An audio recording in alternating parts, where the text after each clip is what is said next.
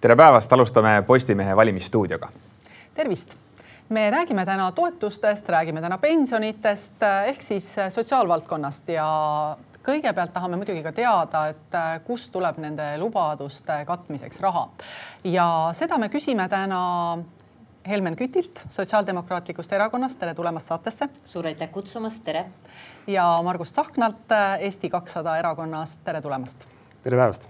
no sageli jäädakse tegelikult valimisdebattides väga üldiseks, aga poliitik on ju ennekõike inimene. ja alustame ühe personaalse küsimusega, sama küsimus mõlemale. Helmen, mis on teie isiklik või teie perekonna isiklik kokkupuude selle sotsiaalvaldkonnaga, kõige võib-olla valusam kokkupuude? see on küll huvitav küsimus. Ma kogu aeg poliitikat tehes ei mõtle seda, et mis minul paremaks läheb, vaid mis isiklikku, noh, minul isiklikult paremaks läheb. aga ma arvan, et ei ole olemas äh, Eestis perekonda, kes ei oleks kokku puutunud väga raske haigusega nagu vähk, kelle vanemad ei oleks vajanud hooldust. ma arvan, et need mured on ikkagi praktiliselt igal perel või, või vähemalt minuealistel nii et, et mul on need kogemused tõepoolest olnud jah. Margus Tsahkna, mis on teie isiklik või teie perekonna selline kõige valusam punkt, mis puudutab seda sotsiaalvaldkonda? no ma olen jõudnud ka vanusesse, kus äh, vanemad on äh, ja vanemad sugulased on inimesed, kes paratamatult jõuavad sotsiaalsüsteemi. et äh, kindlasti see teema ja mu enda isa, kes nüüd aasta tagasi lahkus, tema kümneaastane vähihaiguse kulg, noh, tõi ka need teemad esile, aga meie perel on juba kakskümmend kolm aastat tagasi asutatud üks lastekodu Tartus ja sealt oleme näinud neid lugusid ja näeme senimaani, et kuidasmoodi riik ja ja selline erainitsiatiiv võiks töötada paremini ja kuidas lapsed võiksid olla süsteemis mitte numbrid Exceli tabelis, vaid et igal lapsel on oma lugu ja kuidas saaks seda kõike paremaks teha, et see on selline praktiline kogemus enda elust. Margus, ma küsin siia juurde, et äh, kui ikkagi nüüd juhtub, et äh, valija usaldab ja valib teid äh, Riigikokku, et kas te siis ikka lähete sinna või, või tegelikult jäävad need mõtted lihtsalt siia praegu maha? kuigi ma olen erasektoris juba neli aastat tööl ja, ja olen panustanud kaudselt ka ütleme sotsiaalsüsteemi ehk siis sõjaväevälihaiglate ehitamise ja arendamise, mis ka võitlevad Ukrainas, siis muidu ma siin ei oleks, et need valimised on hästi olulised, ma arvan, et sama olulised kui üheksakümne teise aasta valimised, kus valiti nagu suuremad teed. ja üks on see, et kui palju lubadusi keegi annab ja toetusi tahab tõsta, aga me valime tegelikult suurte väärtuste vahel, et kas on selline tagurlik kitsarinnaline Äh, kuni Ukraina aitamise lõpetamiseni välja tee, kui me valime progressiivse ja inimestele mõeldud teed. Ja, ja selle valimise tõttu ma ütlen, et ma olen valmis panustama, panen täna valimistesse suure energia ja kui on vähegi võimalik, siis ka valimistest edasi e Helmen Kütt, räägime natukene Riigikogu liikme vastutusest. Te olete nüüd pikalt olnud Riigikogus tähtsatel ametipostidel ja mul jäi kõrvu äh, üks arutelu novembrikuus, kui riigikontrolör heitis ette riigile, et tervishoid on ikkagi väga kehvas seisus, reformid on kõik takerdunud ja ma loen ette ühe tsitaadi, et kus te ütlesite, et on vaja väga selgelt nüüd vastu võtma hakata otsuseid, isegi kui kõiki kohe ei lahenda ja järgmine valitsus ja Riigikogu peavad need lahendused leidma ja niimoodi enam edasi minna ei saa, et keegi ei vastuta. kuulge, aga teie ju istusite seal kaksteist aastat, vähemalt olete olnud Riigikogus kuidas siis nii on läinud, et need eelmised äh, istungid on läinud nii, et ei ole neid äh, otsuseid vastu võetud, reformi pole tehtud ja, ja inimesed võib-olla ei saa seda tervishoiuabi, mida nad vajaksid ja see tegelikult ei vasta tõele. kui sotsiaaldemokraadid on olnud valitsuses, siis ainuke lisaraha, mis tervishoidu toodi, oli Jevgeni Ossinovski tervise- ja tööministrina, kui hakati maksma riigi poolt siis ka läbi haige või haigekassale kakssada viisteist miljonit mittetöötavate pensionäride eest. see oli väga suur osa, mis toodi tervishoidu lisaraha. kahjuks järgnevaid samme pole tehtud. tõsi, ka täna on sotsiaaldemokraatidel tervise- ja tööministri portfell, aga seda on väga lühikest aega kuus kuud, kus eelarve ja kõik oli vastu võetud ja väga oluline samm, mis praegu tehti, ma arvan, et tervishoid ja sotsiaal peavad olema lingitud ja käsikäes ehk hoolekandereform, hooldekodukoht pensioni eest, see tagab ka selle, et teatud hulk inimesi pääsevad tööle omastehoolduse rakkest. Need, kes soovivad hooldada, väga tore, kui soovivad ja saavad, aga need, kes on sunnitud hooldama töölt ära tuleku hinnaga, eh, nelja kohaga töötamise hinnaga selleks, et maksta kõrget hooldekodumaksu, nii et ma arvan, et sotsiaaldemokraadid on vastutustundlikult selles osas käitunud, et kui neil on võimalus valdkonnas ja valitsuses kaasa rääkida, siis on seal toimunud ka muutused aga kahtlemata need ei ole piisavad ja ma väga kõrgelt hindan Riigikontrolli auditit ja ülevaadet, sest me peame täna ausalt ütlema, et kui tervishoidu lisaraha ei lähe, siis viie aasta pärast ei ole meil isegi seda taset, mis meil on täna Hästi. ja tänase tasemega me rahul ei ole ju. ja, aga meil ei ole ju tervishoiusaade, et kuigi need valdkonnad natukene haakuvad, siis äh, proovime keskenduda ikkagi nüüd pensionitele ja siin on äh, tõesti äh, sotsid välja tulnud lubadusega tõsta vanaduspension tuhande kahesaja euroni. aga see ei tohiks siis olla siis väiksem kui pool ehk siis viiskümmend protsenti keskmisest palgast. no täna on keskmine palk tuhat seitsesada eurot ja keskmine pension kuussada kakskümmend seitse eurot ehk siis kui tahta maksta poolt pensioni just nimelt praegu täna oleks see kaheksasada viiskümmend eurot, mis tähendab kolmekümne kuue protsendilist tõusu. E, pole vahet, millal me neid, e, millal me neid tõuse teeme, no ütleme lihtsalt e, natukene on ühel aastal lihtsalt mõju, aga see tähendab tegelikult kaheksasadat, üheksasadat miljonit eurot rahas. et kuidas te nii julge ettepanekuga välja tulete, sest äh, ega siis ka ju keskmine palk ei seisa, see läheb muudkui eest ära ja see on väga hea, et sellel teemal saab rääkida ja, ja neid mõtteid selgitada. esimesest aprillist on Eesti keskmine pension seitsesada neli eurot. Äh, pensionid tõusevad, baasosa on tõstetud juba esimesest aprillist, see lubadus tuhat kakssada eurot äh, on nelja aasta lõikes, see tähendab, et see ei juhtu esimesel aastal, sinna jõutakse järk-järgult. minu meelest meie olulisem lubadus on see, et alampension, kõige väiksem pension oleks nelisada eurot täna on see tunduvalt väiksem ja see, me seoks selles mõttes alampensioni toimetuleku piiriga. kui täna on toimetuleku piir kakssada eurot pere esimesel liikmel, siis see on kahekordne toimetuleku piir. mulle väga meeldiks elada riigis, kus ei ole vaja inimestel taotleda toetusi, ka toimetulekutoetust, kus sissetulekust oleks võimalik ära elada, kus oleks võimalik ka eakatel osta ravimid ja tulla toime sellega, et käia ka teatris. ja noh, nüüd tõepoolest ka esimesest juulist on ikkagi võimalus ka hooldekodukoht hinnatud vajadusel, see ei tähenda seda, et inimesed hakkavad hooldekodusse minema, otse vastupidi. räägime hooldekodudest natuke hiljem, aga me ikkagi nüüd see, et äh, ma päris täpselt ei saanud vastust, et kust me need üheksasada miljonit eurot ikkagi nüüd selles mõttes võtame, et see on niivõrd suur lubadus, sest ega see ei ole ju teie ainus lubadus, et äh, neid lubadusi on ju veel. no kas ei ole see natuke vastutustundetu või kas ei ole valija petmine, et tegelikult, kui lähete valitsusse, siis koalitsioonipartnerid ütlevad, no kuulge no vaadake kõikide erakondade lubadusi, mis puudutavad pensione. meie igainimesed väärivad seda, et nad ei peaks virelema ja paratamatu on pensionitõus. meil on ka lubadus sellest, et me hakkaksime tulumaksu vastavalt sissetulekule tõstma, ehk siis need valetavad, kes ütlevad, et maksud ei tõuse, aga toetused suurenevad. meil on pakutud mitu lahendit, näiteks ka see, et on riigikaitselaen teatud perioodiks, viieks aastaks, et seda ei tehta, riigikaitset ei tugevdata mitte eakate laste tervishoiu või hariduse arvelt. me oleme need arvutused läbi teinud, me oleme kaalunud ja need on kaetud, lubadused on kaetud ka tegevustega. aga tõesti, koalitsioon tuleb kokku ja otsustatakse, kui te vaatate teisi lubadusi, tuhandest tuhande kahesajani on need lubadused pensioni osas Marus Tsahkna, kui kuulate seda juttu, kas julgete üldse sotsidega valitsusse minna? Ei no eks ikka julgeme, aga eks see eh, nii-öelda kainestav hetk on, ütleme viienda märtsi õhtul ja siis sealt, mis edasi tuleb, et eh, ma olen ise osalenud viie koalitsiooni kokkupanemisel ja enne valimisi lubatakse kõikvõimalikke asju, tasuta lasteaiakohti, pensionite kahekordistamisi ja ja on ka inimesi, kes neid usuvad, neid lubadusi, aga Eesti kakssada ei ole pannud ühtegi sellist lubadust meelega sisse, kuna me ei taha inimestele valetada muidugi me suudame pisarat kiskudes rääkida, et eh, kõik peavad elama väärikalt ja me tõesti usume sellesse, aga on mingid piirid. et eh, me ei saa maksukoormust tõsta põhjendamatult või, või, või üle teatud piiri. et siin läheb teil juba väga selgelt vastu olla. Eesti, Eesti, Eesti inimese, tööinimese maksukoormus on täna juba päris kõrge, oleme ausad. nüüd küsimus on see, et mida inimene tegelikult selle raha eest saab ja sellele tuleb fokusseerida ja Eesti kakssada on ka teinud oma pikka plaani eriti mis puudutab sotsiaalhoolekannet, tervishoidu, kogu seda asja nagu koos vaadatuna.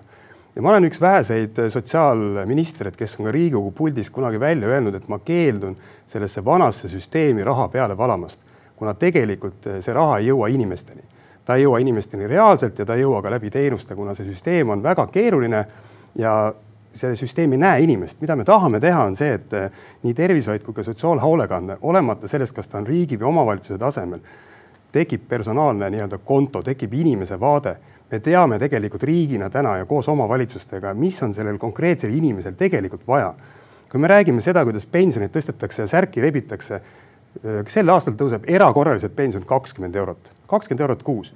kindlasti on see abiks inimestele, aga see ei lahenda mitte ühtegi probleemi ja meie mõte ongi selles, et eh, kuidagi siin on öeldud, et, et teeme natuke seda, parandame toda toetust ja nii edasi, see ei muuda probleemi olemust, et eh, me tahame viia selle reformiga nagu inimese keskseks, et me, et on terviseprobleemid, on toimetulekuprobleemid ja me suudame sellele konkreetsele inimesele vormida temale vajalikud teenused ja võib-olla ka vajalikud toetused täna on Eesti riik lihtsalt väga-väga selliselt, kuidas ma ütlen, ametniku ja, ja institutsioonide põhiselt üles ehitatud. sotsiaalhoolekande amet on ju, Sotsiaalkindlustusamet, ütleme niimoodi, siis on Haigekassa ja, ja kõik nii edasi, elavad oma maailmades, siis on kuskil omavalitsus. inimesed esitavad avaldusi, jooksevad ühe ukse tagant teise taha, et ellu jääda et see kõik on võimalik nende inimeste eest ära peita ja, ja riik on tegelikult põhiseaduses kokku leppinud inimestega, et me tagame mingil tasemel inimeste toimetuleku ja seda on võimalik teha ka niimoodi, et ei, ei lubata siin tohutuid kulutusi riigieelarvest, mida ei ole võimalik tegelikult ka täita. Helmen Kütt, kas Margus Tsahknaga saab valitsusse koos minna või mitte? absoluutselt, mulle väga meeldib. aga pead raputasite, kui te ütlesite absoluutselt? ma ütlesin seda, et absoluutselt saab minna, aga ma lihtsalt paar asja korrigeeriksin ära, et pensionitõus inimestele jõuab otse inimesele, see ei lähe mingisse sotsiaalsüsteemi, mida juurde valatakse. teine asi on see, et, et ammu juba, mul on kahekümne aastane sotsiaaltöö kogemus, ma olen töötanud kohalikus omavalitsuses eh, ja ma tean seda, et ammu juba toimub juhtumipõhine lähenemine inimestesse. see, et meil süsteemid ei lingi nii hästi, et inimene peab avaldusi esitama, noh näiteks kui laps sünnib, et kohaliku omavalitsuse toetust saada, peab ta veel selle asemel, et eh, volis kaks, mida ootame ja mis tõenäoliselt varsti tuleb, selline arvutiprogramm, et kui sa oled lapsele nime pannud, siis see info jookseb igale poole ja kõik toetused toetused vajadusel ja kui sa tõesti ei soovi, sest ega inimene ei, pea võtma toetust, siis sa teed avalduse. aga see, et, et ähm, noh, öelda, et, et riik peaks rohkem tegema või omavalitsus, see ongi koostöö ja riigil on oma ülesanded, omavalitsustel oma ülesanded. tõenäoliselt on probleem ainult see, et tihti omavalitsuste ülesanded ei ole alati kaetud rahaga mm. -hmm me täpselt, me jõuamegi nüüd sellesse tavalisse arutellu, mida ka Riigikogus me oleme Helmeniga ja, ja kõigi teistega kogu aeg teinud, et kuskil on riigi ülesanded ja siis on omavalitsuse ülesanded. kunagi lükkas riik tegelikult sotsiaalhoolekande suures osas omavalitsuste kaela, ilma täpsustamata tegelikult ja ilma rahastamata, et mis siis nagu tegelikult nagu inimese vaatest saab. ja täna me tegelikult näeme neid tulemusi, aga mõtleme korraks natuke suuremalt kui ainult lihtsalt eh, kakskümmend eurot pensionitõusu ja natukene muud toetust, et meil on üks koma kolm miljonit inimest siin Eestis me oleme digitaalne riik, ehk siis tegelikult andmed on eh, inimestel olemas ja need kuuluvad inimestele, riik, omavalitsused, kõik me teame tegelikult nende inimeste kohta kõike. Nende terviseandmeid, kus nad elavad, eh, kas nad elavad linnas, elavad nad kuskil maal, kui neil on vaja erilist, kas transporditoetust, mida iganes või abi, ma räägin reaalselt teenustega. ja siis me mängime seda mängu nagu üks vana Saksa Bismardi riik, et meil on omavalitsused, meil on riigi tasand, siis meil on erinevad asutused. me oleme võimelised täna selle kõik ära kaotama et inimene vaatab ükspuha, kas ta on vastsündinu, on ta vanem inimene, riik tagab talle eh, need teenused, mida tal on vaja ja efektiivselt ja see ongi see suur reform, millest me räägime, aga sellest eh, noh, tavaliselt ei taheta midagi rääkida, et jah, see on väga tore, aga, aga räägime siin varem nagu pensionitõus kakskümmend eurot. ma, ma, ma, ma nagu natukene segaks vahele, et kas ei ole ikkagi selline utopistlik vaade, sellepärast et kui me vaatame, mis praegu ümberringi toimub, no päriselt, eh, me üldse ei räägigi mitte millestki plaanidest ega millestki, siis eh, lastetoetuste tõstmine on viinud nüüd sinnani, kus Sotsiaalkindlustusametis on võetud tööle kümneid inimesi, kes hakkavad käsitsi asja arvutama. Ja muide, mina ütleks, et me Eesti liigub, liigub praegu meil IT-vabasse riiki. sellepärast ja sellepärast e, ma ütleks, et esimene äh, mõte, mis mul sellega seoses tekib, on see, et äh, kui teie olite sotsiaalkaitseminister, siis olite ka osaline selles suurepärases SKAIS kahe programmi loomises, mis läks täiesti vastu taevast, keegi ei teadnud, mida telliti äh,, raha muudkui aga raisati. Ja tegelikult see kõik on lihtsalt nüüd kumuleerinud, miks? Äh, Skys kaks on hea näide tohutust käkerdisest mina sattusin. ja teie olite ju sellel ja ajal. just nimelt, mina just... olin see, kes tõstis selle teema laua peale, mis oli totaalselt valesti käima pandud, vabandust väga, ma ei taha kedagi isiklikult süüdistada, aga no, tollel ajal oli tolle ajal minister Taavi Rõivas tõmbas selle noh, ikkagi ikka noh, see oli sihuke hoogtöö. aga see, mida te kirjeldate, näitabki, et tegelikult on pikka aega just nimelt see meie tohutu konkurentsieelis, mis puudutab just IT-lahendust ja kogu seda poolt, need on, see on lihtsalt soikus olnud ega see SKAIS kaks ka üksinda ei tööta, tegelikult tuleb kogu riigi infosüsteem tööle panna, aga mitte niimoodi, et inimene ära kaob seal. meil on sotsiaaltöötajad, väga tublid inimesed täna, kes on omavalitsuse palgal suuresti. Nad saavad väga närust palka.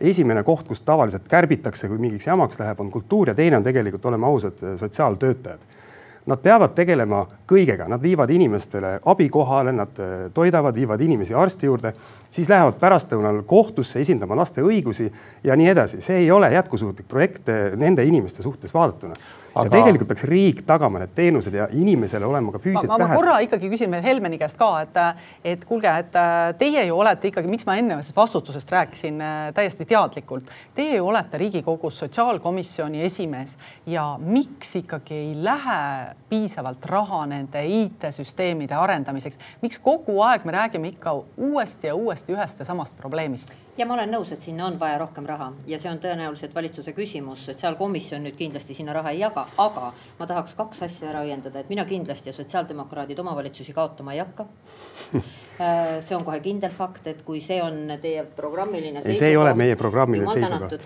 siis me saame edasi koostööd teha. teiseks on see, et, et äh, praegu tuleb hoida hinge kinni, et see SKAIS kaks, mis praegu toimib, mis kannab ära pensionid, mis kannab ära lastetoetused, üksikvanema toetused, kõik, mida kannab, et ta vastu peaks, sest kujutage ette, kui see peaks äh, laiali jagunema, mis siis saabub, kui viiendal ei kanta pensioneid no siis meil töötuse määr kohe langeb. et mul on väga hea meel, et Viljandi linnas ei ole nii, et, et kultuuritöötajatelt ja sotsiaaltöötajatel on esimesed, kellel kärpekäärid või krokodillid hakkavad midagi ära hammustama, kindlasti mitte. et, et ma siiski jätaks omavalitsustele autonoomia ja ma väga selgelt tahaks, et riigiteenused, äh, need, mis on erihoolekanne ja need, mida tehakse väga hästi, siin on mitmeid teenuseid need oleksid ja kui omavalitsusele antakse teenused, siis nendega kaasneks ka raha, aga omavalitsus saaks oma eripära arvestades neid timmida, sättida omale sobivaks, sest tema teab kõige paremini, millist abi vajavad tema inimesed. aga teate, ega see IT-süsteemi ju loomine ei too ju raha juurde süsteemi et meil käib ju praegu äh, lugu on ju selles, et kustkohast üldse leida lisarahastust kõikideks nendeks lubadusteks, eks ole. ja kui teha IT-süsteem korda, see noh, ongi, et need kakskümmend inimest ei pea enam käsitsi arvutama. aga kus on veel need suured võidud, kus on need suured kohad, kust on võimalik raha ümber tõsta? no kui me vaatame korraks äh, ikkagi äh, sotside valimisprogrammi ja natuke tuli juttu ka juba, et on plaan tõsta, teha siis astmeline tulumaks ja tõsta üle kolme tuhande, kolm tuhat eurot saavalt äh, sissetulekult äh, rakendada siis kahekümne kaheksa protsendilist maksumäära ja samamoodi ka dividendidel äh, rakendada maksumäära, aga juba esimesest eurost ja ka kakskümmend kaheksa protsenti. kui palju see Helmen Kütt äh, teie lubadusi täita aitab, kui palju see raha toob juurde? no kindlasti aitab ta, minu meelest on ta sotsiaalse õigluse küsimus juba. ehk siis need, kellel läheb paremini ja on tugevamad, need toetavad neid, kellel ei lähe nii hästi. et need, kes saavadki rohkem palka, ma arvan küll, mina olen küll valmis kindlasti rohkem maksma. Need inimesed teevad annetusi, kõike muud ja teevad ka need, kellel on väga väike sissetulek, aga samas selleks, kui me räägime, et meil on vaja lastetoetusi ja kõike muid, nagu te loetlesite, siis kuskilt tuleb alustada ja mingid sammud tuleb astuda. meie inimesed töötavad Soomes, Rootsis, igal pool pool, kus on astmeline tulumaks, kus on tunduvalt suuremad ja seal on ka kõrgem palk, aga me ei saa lõputult, nii nagu te ütlesite, ka tekki sikutada. ja no nii on, e, aga nüüd äh, ikkagi, et äh, kui äh, kui nüüd mõelda, et äh, oli ka see riigikaitse äh, üks protsent kõigile, siis see tähendab ju nendelt kõige madalamapalgalistelt samamoodi maksutõusud, et kas tõesti olete selle maksutõusu poolt, mis on ka madalapalgalistel, see üks protsent? teate, mina arvan, et praeguses olukorras, kus varsti saab aasta seisust, kus äh, Euroopa riigis on sõda. inimesed on väga valmis aitama, aitavad Ukrainat igasuguste annetuste, töö, vaba aja ja kõigega. kui see on Eesti riigi kaitseks ja ka Ukraina aitamiseks vajalik, et inimesed hakkavad, töötavad inimesed maksma ühe protsendi oma palgast siis ma arvan, et siin ei ole muret ja probleemi. seda enam, kui selle arvelt ei kannata tervishoid, haridus ega las-, lapsed ja eakad see on see, mis tagaks. mul üks äh, lisaküsimus veel, et, äh, et ühelt poolt tõepoolest maksutõusud toovad raha, need äh, kõrgemad protsendid, kakskümmend kaheksa protsenti maksutõus või maksumäär, vabandust, aga nüüd samas te tahate ära kaotada maksuküüru, mis ometigi võtab, neelab ära kolmsada nelikümmend miljonit eurot, mis siis koos nende pensionitega teeb ikka kokku juba miljardilised ja üle sellised summad et, ähm, et mis, äh, mis on see eesmärk, et te maksuküüru ära kaotate aga samas äh, kelleltki jällegi raha ära võtate. No maksuküüruga ei ole ju täna eriti keegi nõus, sellepärast et see mingil hetkel sobis, aga enam ta ei sobi. sama on see, et, et me räägime ka sellest, et inimesed, kes saavad alampalka, nad maksavad ju tulumaksu selle pealt, eks ole. et alampalk võiks olla ju tulumaksuvaba, see tagaks inimesel võimaluse paremini ka toime tulla. et ükskõik, kuidas me räägime, kui me ei paku välja isegi lahendusi, mulle väga meeldib, et me tõstame üles teemad, mida oleks võimalik siis arutada. Need, kes enne valimisdebatti või valimisdebatti debati ajal üldse ei räägi ei maksudest ega sellest, kuidas neid lubadusi rahastada, need tegelikult petavad täpselt samuti inimesi. ja kui midagi ei lubata, siis tekib ka see küsimus, aga mille järgi siis seda hinnatakse, seda tegevust? Margus Tsahkna, kas makse tuleb tõsta?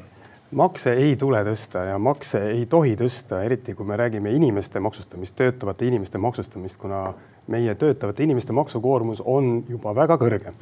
ja miks ma seda ütlen, on see, et see ei ole lihtsalt sõnakõlks, vaid äh, minul on endal isiklik kogemus, kui meil oli majanduskriis kaks tuhat kaheksa, üheksa ja me olime sunnitud vaatama reaalselt äh, riigi kulutustesse sisse, ehk siis me tegime sisuliselt sedasama nulleelarve põhimõtet, mis on Eesti kahesaja üks põhiprojekt või programmilisi lubadusi.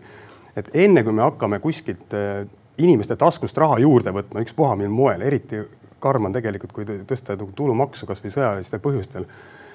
vaatame, kuhu riik raha paneb ja minu väide on selline, et peale Euroopa Liidu eesistumist on äh, läinud riigi kulud vohama ja ilma naljata, meil on väga hea ja väga kõva erasektori tausta ja suuri ettevõtteid juhtinud äh, Joakim Heleniuse analüüs koos oma meeskonnaga, kes ütleb, et kui võtta äh, efektiivistada ja võtta jooksvad kulud maha just nimelt bürokraatia poole pealt on meil peaaegu miljard eurot jooksvalt võimalik riigieelarvest tegelikult kulusid kokku hoida. niimoodi, et mitte ühtegi teenust mitte midagi vähemaks ei võeta ma räägin ka sellest, sellest samast IT arengu mõttest on ju, et kogu aeg räägite, andke raha juurde, ei anna raha juurde. see ei ole probleem IT-arendus, küsimus on tellija tarkuses, kogu pildi kokkupanemises. täna iga ministeerium, iga ametkond arendab oma süsteeme, need ei klapi kokku. ehk siis siin on väga palju neid otsustamise küsimusi ja teadmise küsimusi ja siin ei ole isegi suuri poliitilisi erimeelsusi, vaid neid lihtsalt ei tehta ära, kuna need ei ole mugavad reformid iga väiksema reformiga seoses tekivad mingid riskid, et näiteks kas mingi asi jääb välja maksmata või arendaja ei jõua tööga valmis, mida iganes. sellepärast ma ütlen, et, et need suured lubadused, see noh, ma tuletan meelde kahe tuhande üheksateistkümnenda aasta valimisi, kõik erakonnad lubasid tasuta lasteaiakohtasid, sotsid lubavad seda ka seekord. kas keegi mäletab seda üldse? kas nelja aasta jooksul, viimase nelja aasta jooksul on keegi sellega üldse tegelenud? et teie olete. ei, meie, meie ei lubanud seda sellepärast, et see, need on katteta lubadused lihtsalt ja seda ei ole mõtet noh. Kas ma saan teist õigesti aru, et, vaatavad, ei ole mõtet ju lolli juttu ajada. saan teist õigesti aru, et raha on süsteemi sees olemas, see tuleb lihtsalt äh, ümber jagada. absoluutselt, samamoodi, kuidas me jooksutame tervishoiusüsteemi, jooksutame sotsiaalkaitsesüsteemi, jooksutame kogu seda süsteemi nagu väga suurte kuludega. see raha ei jõua tegelikult inimesteni et eh, see tuleb panna ühte pilti ja millest me väga vähe räägime kus meil tuleb sotsiaaldemokraatide eriarvamus on see, et eh, näiteks üks konkreetne ettepanek, kuidas tervisesüsteemi võiks raha juurde tuua, on tööandjatele vabastada erisoodustusmaksust eh, nii-öelda erakindlustus oma töötajale kuni tuhat kakssada eurot kuus see toob eraraha tegelikult sellesse süsteemi sisse ja panna see raha liikuma koos patsiendiga, ehk siis tegelikult inimesega liigub see raha kaasa, tema konto peal on see raha ja siis me tegelikult äh, kasutame ära ka maksimaalselt oma meditsiinitöötajad. täna kõik teavad, kas Confido või mis iganes erakliinikusse on võimalik minna lühikese ajaga, aga lihtsalt tuleb palju raha maksta. see tuleb tuua ühte pilti, see on üks väga suur reform. Äh, aga see tuleb ära teha ja, ja neid, neid lahendusi on meie programmis päris mitmeid Mhm. aga Helmen Kütt, väike kommentaar ja siis läheme hooldekodude teema juurde. teate, ma lihtsalt ütlen, et Margus jõuab rääkida ilmselt saate lõpuni, aga ma kaks asja õiendan ära. sotsiaaldemokraadid ei taha mitte tulumaksu tõusu teha selle tõttu, et käib sõda. sotsiaaldemokraadid räägivad riigikaitselaenust, ajutisest, näiteks viieks aastaks, et Eesti riik oleks tugevamini kaitstud ja valmis, aga seda ei võeta teiste arvelt. teine on see, mis puudutab, et siduda see inimese kontoga, ehk siis need inimesed, kes ei tööta või need inimesed, kes on töötud, nendel sellist kontot ei ole ja järjekordselt on teatud inimestel parem võimalus saada tervishoiuteenuseid. ma ei välista, et seda ei peaks kaaluma ja arutama, aga see ei saa olla tervishoiu rahastamise üks põhimõtteid. me räägime täna ka universaalsest ravikindlustusest, mida paljudel inimestel täna üldse Eesti riigis ei ole. Mhm. ja veel üks asi, Margus täpsus, täpsustuseks. Kas sa tead, mitu inimest võeti tööle sinu aeg, kui sa olid sotsiaalkaitseminister?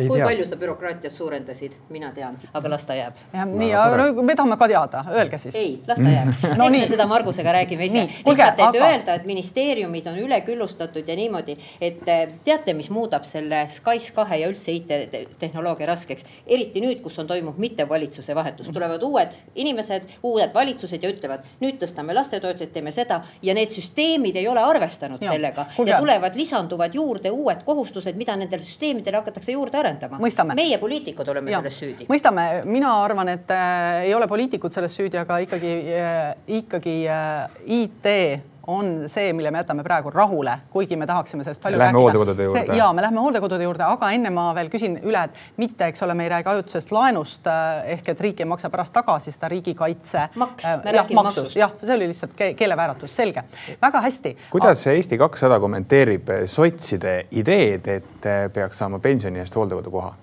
see on väga hea eesmärk ja me igatepidi toetame, kui see oleks võimalik eh, teostada. Ja Helmenil kindlasti on ro- rohkem selle nüüd viidud eh, sisse selle noh, toetuste süsteemi kohta infot. aga mulle lihtsalt tundub see kuidagi nagu võimatu jällegi, et kui ühtepidi riik paneb seda maksumaksja raha sinna kõvasti rohkem sisse ja tõepoolest tunnustus selle eest, et kuidas ikkagi siis tagada äh, see, et äh, nii-öelda hoolekoduteenuse osutajad, kellest väga palju on ka era, era, eraosutajad, nii-öelda era, erasektor, et et kuidas need hinnad eest ära ei jookse või kui riik hakkab seda siis kuidagi reguleerima eh, ehk siis panema piirhindasid, kuidas siis teenuse kvaliteet ei lange ja, ja teistpidi on siin üks oht sees, et, et meie tegelikult tahaksime, et inimesed saaksid võimalikult kaua oma elust sellist kodukeskset ja personaalset teenust, millest ma siin ka varem pikalt nagu rääkisin. et, et ei ole nagu lihtne lahendus lihtsalt, et kui on probleem, et siis hoole kodusse ja pensioni eest saab koha kätte.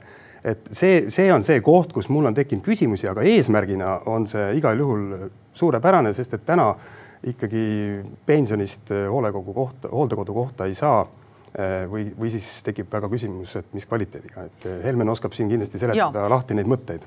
ma küsin seda võib-olla see hooldekodude koha kohta veel, mis inimesi segab ja mida küsitakse väga tihti, et miks need inimesed, kellel tegelikult on pangaarvel kopsakas summa või kellel on mitu maja miks riik peaks neile selle tasuta hooldekodu koha andma, kui meil on tegelikult vaesuses elavad lapsed või, või mõned teised inimesed, kes vajavad tegelikult toetusi? Ja no täna on süsteem nii, kus inimene, kui vajab hooldekodu kohta, siis omavalitsus hindab selle vajaduse ja vaatab ka tema enda varanduslikku seisundit, milline on siis see. mõte tegelikult sellel on väga lihtne.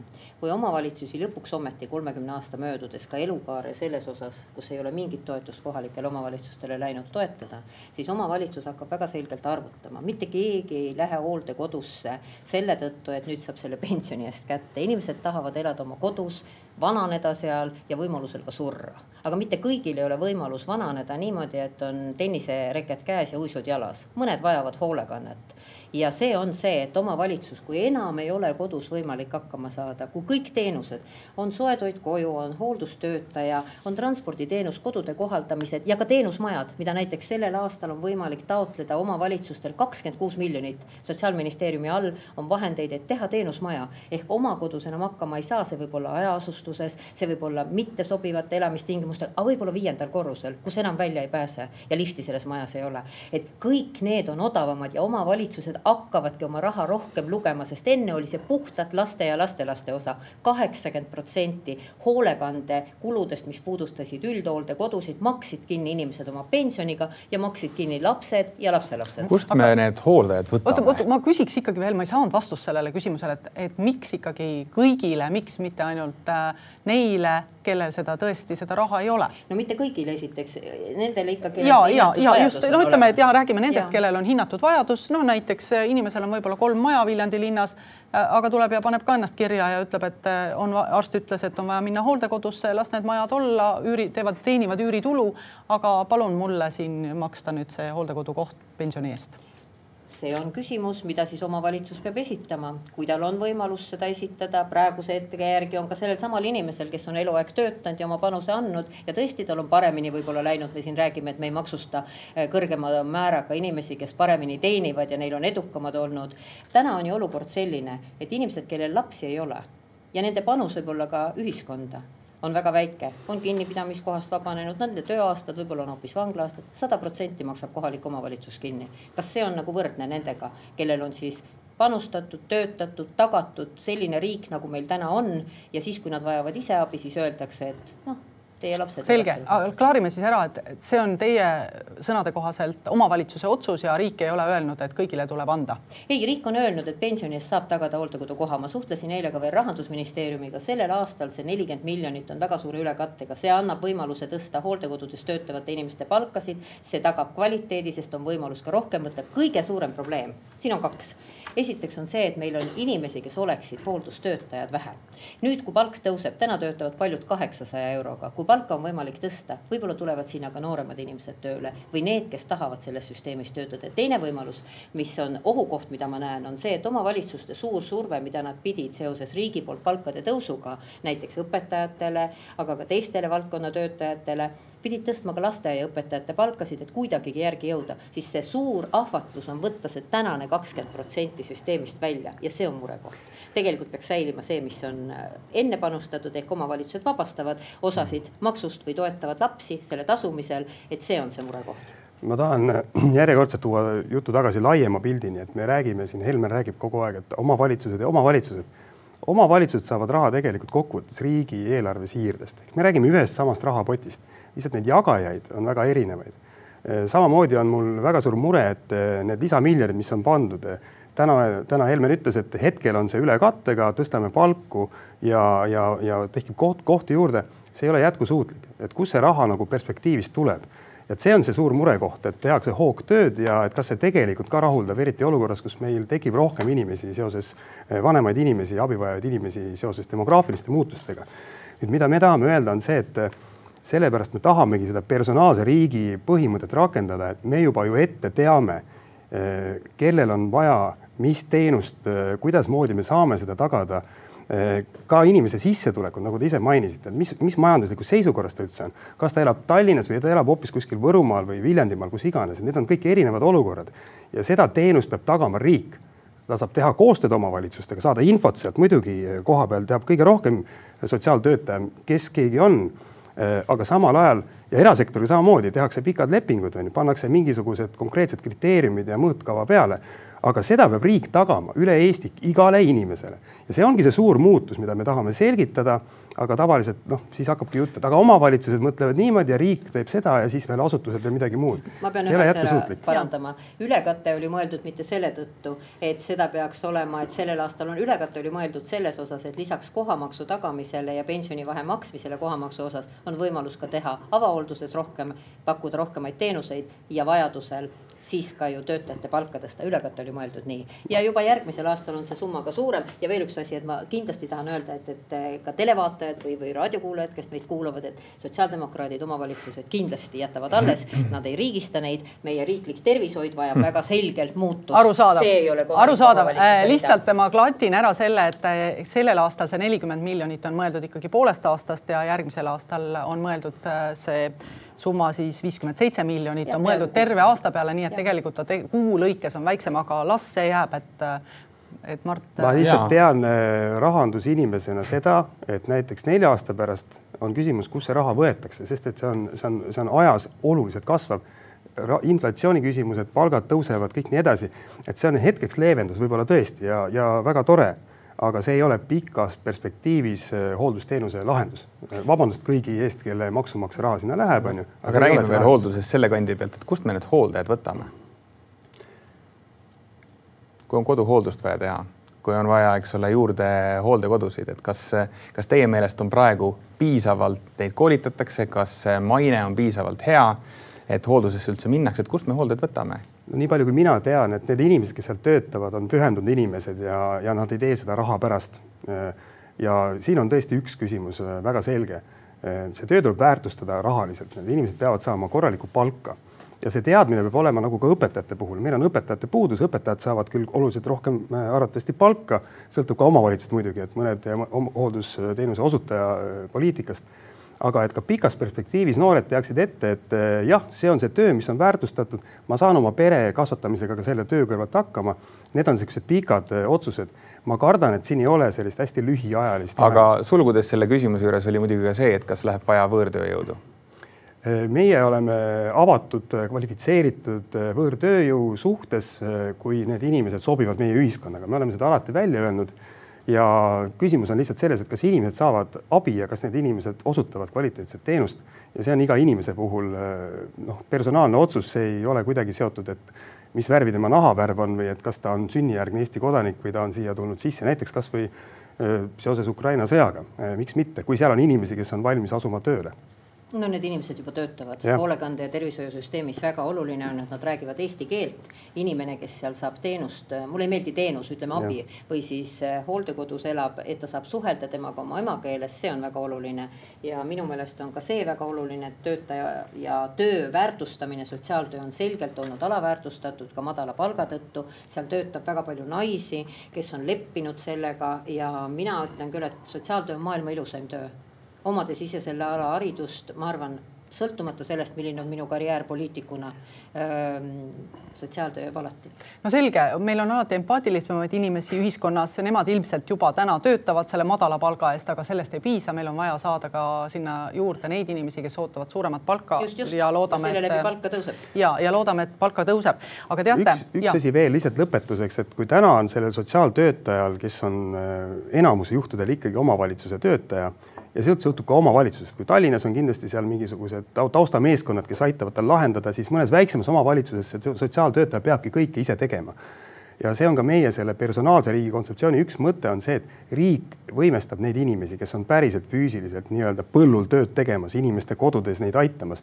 et võtta ära neilt see koormus, mis ei ole nende asi mõnes mõttes, et nad saavad fokusseerida just nimelt sellele konkreetsele tööle, aidata inimest ja, ja, ja see iseenesest juba kindlasti peaks väärtustama ka selle sotsiaaltöötaja nagu perspektiivi. hea Margus, see juba toimib, on olemas läbi Sotsiaalkindlustusameti on lastekaitse toetavad meeskonnad, on olemas ESTA, Eesti Sotsiaaltöö Assotsiatsioon, on väga-väga mitmed erinevad vormid olemas. aga ma tahangi öelda, et see on selline Kulge. hammaste ravi, mitte läbi ja. suu, et me mängime ikkagi jätkuvalt, et omavalitsused on vastutavad, aga siis riik ja. loob mingisuguseid imelikke võimestamissüsteeme, tegelikult on võimalik seda lihtsalt teha, riik tagab teenuse mm. -hmm. hästi, aga no põhi põhimõtteliselt äh, jääme vaatama ja ootama, mida siis äh, toob äh, see, kui see raha tõesti omavalitsustele jõuab sügisest ja, ja kuhu hakkavad asjad liikuma, kuidas arendatakse teenuseid. aga kallid sõbrad, me peame hakkama tõmbama otsi koomale. mul on spetsiaalne küsimus teile mõlemale. nimelt leidsin selle mõtte sotsiaaldemokraatide programmist kes ütlesid, et eutanaasiast peaks hakkama rääkima. kas eutanaasia peaks olema, Margus, lubatud Eestis? Ja Eesti kakssada on ka üks erakond, kes on programmis ja ka kahekümne kolmanda aasta valimisprogrammis äh, eutanaasia teema üles tõstnud. seda on välditud, äh, see on emotsionaalne teema, aga kindlasti ei tohi ta olla kuidagi sotsiaalpoliitika osa, see on väärtuste küsimus ja see on nii-öelda, kuidas ma ütlen, inimeseks olemise teema.